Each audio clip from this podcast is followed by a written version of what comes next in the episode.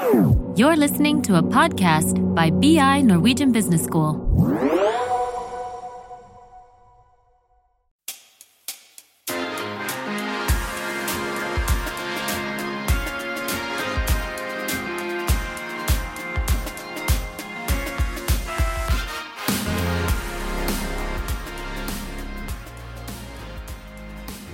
Gloria, jeg har en eh, morsom ting til deg i dag. Jeg har forberedt en quiz. Er du klar? Ja, kjør på! Hva er det første du tenker når jeg sier NBIM? Hmm. Det første jeg tenker på, er kanskje en stor rosa sparegris. Ah, ikke så langt unna. Uh, NBIM er faktisk det oljefondet heter. Så det står for eh, Norges Bank Investment Management. Og oljefondet eier 9000 selskaper i verden, som betyr at Norge eier 9000 selskaper. Som betyr at eh, jeg og du eh, eier da 9000 selskaper. Denne totalverdien er da 12 000 milliarder, så hva vil det si hvis vi fordeler det mellom eh, per innbygger, tror du? Nei, altså vi får gode summer i lommeboka. Og det er ca. to millioner. Sånn cirka. Det her er cirka-tall. Men aner du eh, hvilke selskaper vi eier? Nei, det er jo masse selskaper der ute. Ja, altså Vi eier annet Microsoft, Samsung og Apple. Ja, så det vil jo si at uh, hvis jeg kjøper noe fra Apple, så går det da til uh, pensjonskassa mi, da? Uh, det vet jeg faktisk ikke, men man kan jo kanskje tenke det på den måten. Så med andre ord så jeg kan gå og kjøpe meg en Macbook med god samvittighet. Ja, At det går tilbake i lomma på meg, da. ja vi kan, kan vel si det. Men en annen ting eh, er at oljefondet er veldig god på ansvarlig eierskap. Og det er det vi skal snakke om i dagens episode. Og jeg må jo bare si at eh, du får full score på den quizen, Gloria. Au, det hadde jeg regna med også. I dag har vi med oss Karine Smith i Hennacho, som er eh, eierskapsdirektør i oljefondet, og Tore Bråten, professor i forretningsjus her på BI. Velkommen skal dere være her i studioen. Takk, takk. Takk skal dere ha. Kjempehyggelig å være her. Godt å se dere. Og Karine, eh, vi vil jo gjerne høre litt eh, hva er egentlig oljefondet? Og hva gjør en eierskapsdirektør? Ja, Oljefondet er jo hele det norske folks sparebøsse. Og det ble jo opprettet for at man skulle ta pengene man tjente på olje- og gassproduksjon, og spare de. Ikke minst også for fremtidige generasjoner. Og det som er litt gøy, da, det er at i går så fylte oljefondet 25 år, eller i hvert fall 25 år siden. De første pengene kom inn til oljefondet, og det var to milliarder kroner. Og det var jo ingen som hadde trodd at oljefondet skulle nå i dag være 11 milliarder. Og det er jo nettopp fordi man har da finansiert, eller puttet pengene inn i finansielle verdier, som har gått såpass bra. Og man har faktisk tjent mer på det man har puttet pengene inn i, enn alt det man har fått inn fra oljen. Som min tidligere sjef, han sa at vi har faktisk funnet oljen to ganger. Vi skal kanskje snakke litt nå om eh, hva eh, en eierskapsdirektør gjør. Og mye av pengene i fondet er jo plassert i aksjer, faktisk 70 av aksjer i børsnoterte selskaper rundt omkring i hele verden, ja alle steder utenom i Norge. Og en eierskapsdirektør er da med på å forvalte eierskapet av disse aksjene. Tore Bråten, du er professor i forretningsjus. På hvilken måte er ditt fagfelt relevant for oljefondet? Ja, det er relevant i den forstand at eh, jeg jo kan en del om det rettslige rammeverket. På den annen side så er jo også oljefondet da spredt rundt omkring i hele verden, og mitt utgangspunkt er jo da de norske reglene. Men øh, hovedtrekkene er jo da øh, de samme. Men øh, jeg har altså ikke noe å lære oljefondet om spesialregler i, i langt vekk i stand, eller Kurudutøya. så, så det, det må de finne ut selv. Det er jo tydelig at du kan veldig mye om eierskap, så jeg lurer på om du kan gi oss et lite crash course, vi som ikke vet så mye om, om eierskap? Ja, altså i, i, Norge så er det slik at vi har to typer selskaper. Vi har da allmennaksjeselskaper, ASA, og vi har aksjeselskaper, AS. Det er uendelig mange flere aksjeselskaper enn allmennaksjeselskaper. Vi har et par hundre ASA-selskaper. Det er i praksis de børsnoterte. Eh, både for aksjeselskaper og allmennaksjeselskaper så er da reglene om organisasjonen da eh, på mange måter like. Bygd opp omkring da en generalforsamling, som er selskapets høyeste myndighet. Et styre, som da er øverste ansvarlig for forvaltningen av selskapet. Og en daglig leder, CEO, som da er den operative leder. Og det er altså dette aksjelovene har regler om. Og så alle de som jobber der, ja det er da regulert av arbeidsmiljølova, altså et helt annet regelverk. Generalforsamlingen er selskapets høyeste myndighet. Og i prinsippet kan generalforsamlingen da bestemme hva det skal være. På generalforsamlingen så deltar aksjonærene. Og f.eks. så ville da et fond som oljefondet, om de hadde vært investert, investert, i Norge, hvilket de ikke gjør, så ville de altså ha møtt på generalforsamlingen, og det er der eierne utøver sin eiermakt. Så velger man da styre, og man fastsetter regnskapene, og det vil Si i praksis da utbytte. Og i tillegg så fastsettes da lederlønninger på ASA-selskapenes generalforsamling. Men Karine, hvordan er det dere faktisk jobber med eierskap i oljefondet? Ja, vi sier gjerne at De to viktigste verktøyene vi har i eierskapet vårt, det er å snakke med selskapene, og så er det å stemme på generalforsamlingen. Akkurat som vi hørte Tore snakke om. Og dette gjør vi mye av. Bare for å gi et eksempel, da, så hadde vi i fjor nesten 3000 selskapsmøter. Og vi stemte på over 120 000 forslag. Så dette, begge deler er en viktig del av eierskapsarbeidet. Men det er klart, i dialogen med selskapene, der får vi virkelig liksom anledning til å fremme våre syn på mange viktige spørsmål. Hva er det dere snakker med selskapene om? Det er jo mange forskjellige spørsmål.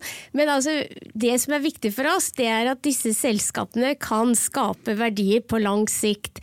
Og mye av det vi snakker med selskapene om, er da hvordan kan de være bærekraftige på sikt. Og vi har eh, klare synspunkter på hvordan selskapene skal jobbe med sentrale bærekraftspørsmål som påvirker selskapene, som f.eks.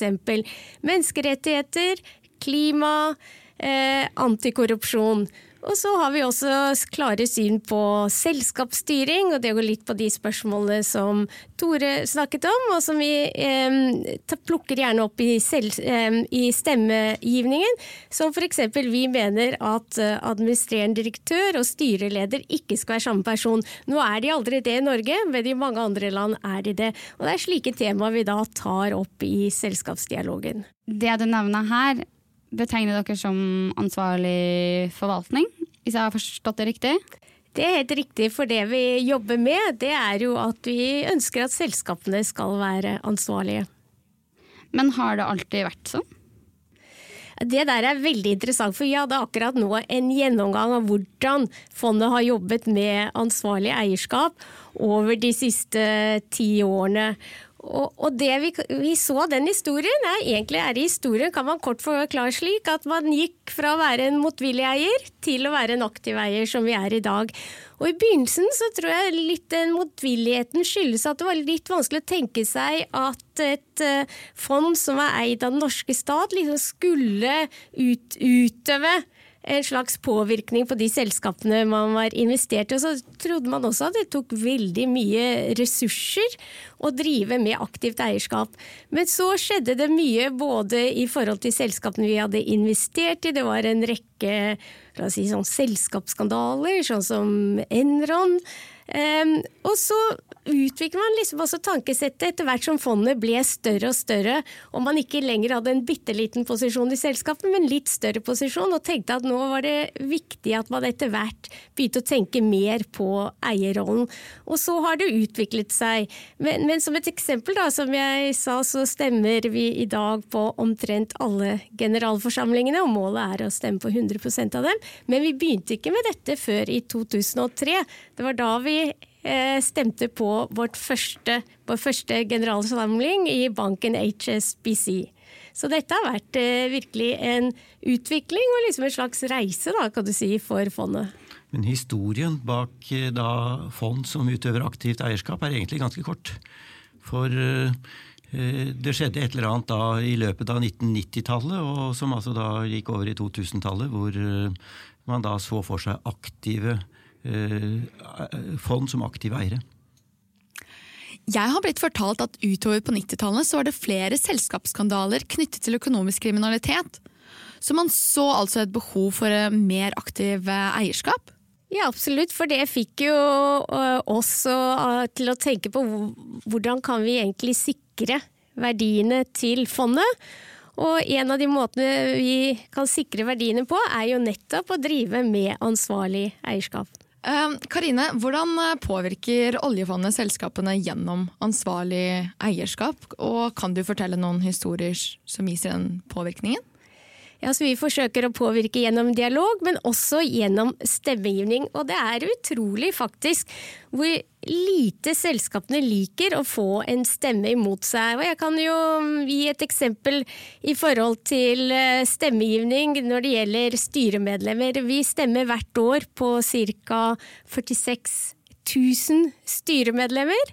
Eh, og et av prinsippene våre er jo at vi ønsker at det skal være mangfold i styret, og ikke minst at det skal også være en viss kvinnerepresentasjon. Vi, vi har satt det til 30 eh, og i fjor så stemte vi mot selskaper som ikke hadde noen kvinner i styret. Og et av selskapene var Domino Pizza, og det vi så i år, da, det var at i år så foreslo de tre nye eh, styrekandidater, og alle var kvinner.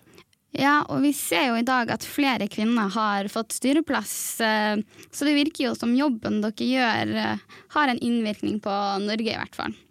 Eh, men hvordan er det når vi ser det i forhold til resten av verden? Tore, hvordan vil du belyse dette i Norge versus resten av verden? Ta USA, for eksempel. Ja, Norge var jo ganske tidlig ute, slik at vi har i denne type selskaper, i ASA-selskapene, da en lovbestemt eh, kvote. Eh, som, slik at det skal være altså en balansert kjønnsfordeling. Eh, det er ikke noen egen kvinnekvote, men det skal altså da være noenlunde jevnt fordelt av begge kjønn. Noenlunde, sier jeg, for det er ikke 50-50, for det hadde jo stilt krav om et bestemt antall styremedlemmer. Ja, Tore, det høres ut som det er mye lover og regler i ansvarlig forvaltning.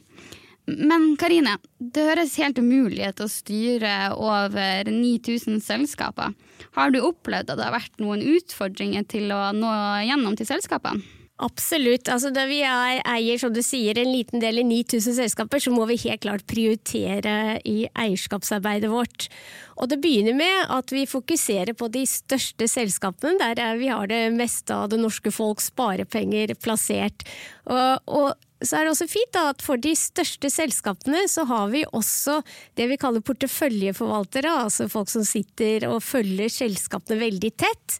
Eh, som også kjenner selskapene veldig godt, altså interne porteføljeforvaltere i oljefondet. Og sammen med de så får vi veldig god innsikt i selskapene. Eh, men i tillegg så publiserer vi våre forventninger til selskapene, sånn at de kan nå alle 9000 selskaper. Så det er helt klart hva oljefondet tenker om sentrale eh, utfordringer, ikke minst på bærekraftsområdet, til enhver tid. Så da får dere informasjon fra en porteføljeforvalter, var det det du sa? Ja, så gjennom porteføljeforvalterne som følger selskapet tett, og det er porteføljeforvalterne som tar investeringsbeslutningene. Så de må gjerne ha mye informasjon for å vite om de skal selge seg ut eller kjøpe seg opp. Eh, så får mye informasjon, men vi får også veldig mye informasjon gjennom selskapenes egen rapportering. Og vi analyserer i detalj selskapenes rapportering, så vi sitter på en svær database med informasjon om selskapene. Kunne du kanskje fortalt litt eh, konkret om hvordan dere henter bærekraftinformasjon? Ja, som sagt så henter vi mye fra selskapets rapportering, og vi analyserer i detalj. Så vi sitter vi, der, Bare fra rapportering sitter vi med en database på 160 000 datapunkter, og den er vi ganske stolt av. Men i tillegg så får vi også veldig mye informasjon fra eh, eksterne leverandører. Det er ma mange leverandører som er liksom Spesialet deres er å gi bærekraftsinformasjon til de som ønsker det, så vi abonnerer på en rekke datatjenester. Men så får vi også masse informasjon gjennom den utstrakte dialogen som vi har med selskapene. Så da sorterer dere den informasjonen, og så kan dere gjøre avgjørelser basert på, på det. Helt riktig. F.eks. når vi skal ta en stemmebeslutning, så analyserer vi den informasjonen vi har, både fra selskapets rapportering og fra de diskusjonene vi har hatt med selskapet, og så tar vi en avgjørelse akkurat på det.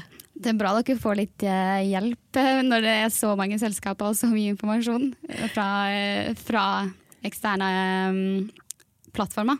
Ja, ja, absolutt, det er vi avhengig av. Men også er det veldig viktig å da være systematiske og ha gode analyser selv også. Hvordan ser fremtidsutsiktene ut for oljefondet som maktkjempe? Hele poenget med oljefondet er jo at det skal være et generasjonsfond. Det skal eksistere for fremtidige generasjoner, for, som jeg sier, for våre barn og barnebarn. Um, og det er klart at verdien til oljefondet kommer til å svinge. Det er ikke minst så mye som vi har investert i aksjer. Men det er jo vanskelig å tenke seg at vi blir en mindre aktør i aksjemarkedet fremover. Og jeg vil jo tro at eh, arbeidet med ansvarlig forvaltning bare blir viktigere og viktigere i årene fremover, gitt alle de utfordringene selskapene har når det gjelder bærekraft, og ikke minst alt i forhold til klimaovergangen. Så jeg ser lys på fremtiden til oljefondet og arbeidet med ansvarlig forvaltning. Og vi kommer til å trenge veldig mange flinke folk. Tore, hva er dine tanker eh, rundt dette? Det Karine sier om oljefondets uh, uh, perspektiv, er jo interessant sett i lys av den aktuelle debatt. For i den aktuelle debatt så støter vi stadig da på synspunkter om at uh, investorer er altfor kortsiktige. Mens oljefondet befinner seg jo altså i den motsatte skalaen. De, de, har jo et evighetens perspektiv. Eh, dog antageligvis ikke slik at dere da skal sitte i selskaper som dere da ikke er eh, fornøyd med, men altså dere er en langsiktig investor. Eh, det gjør altså at den offentlige debatt, hvor det snakkes mye om de, de kortsiktige investorene, den gir bare en liten del av det hele bildet. Da er vi kommet til oppsummering av episoden. Og vi har snakka om hvordan oljefondet jobber med påvirkning gjennom ansvarlig eierskap. Forvaltning av eierskapet er viktig for å skape verdi til fremtidige generasjoner. Vi har også fått et crashkurs rundt de rettslige rammene rundt eierskapsstyring i Norge og andre land, hvor generalforsamling er der eiere, slik som oljefondet utøver sin eiermakt. Og her er dialog og stemmegivning et viktig redskap i eierskapsutøvelsen. Og tusen hjertelig takk til Tore og Karine for at dere kom hit i dag. Og hvis du vil ha mer informasjon om våre episoder, gå inn på vår landingsside bi.no. slash oppgradert. Husk å like og gi oss kommentarer.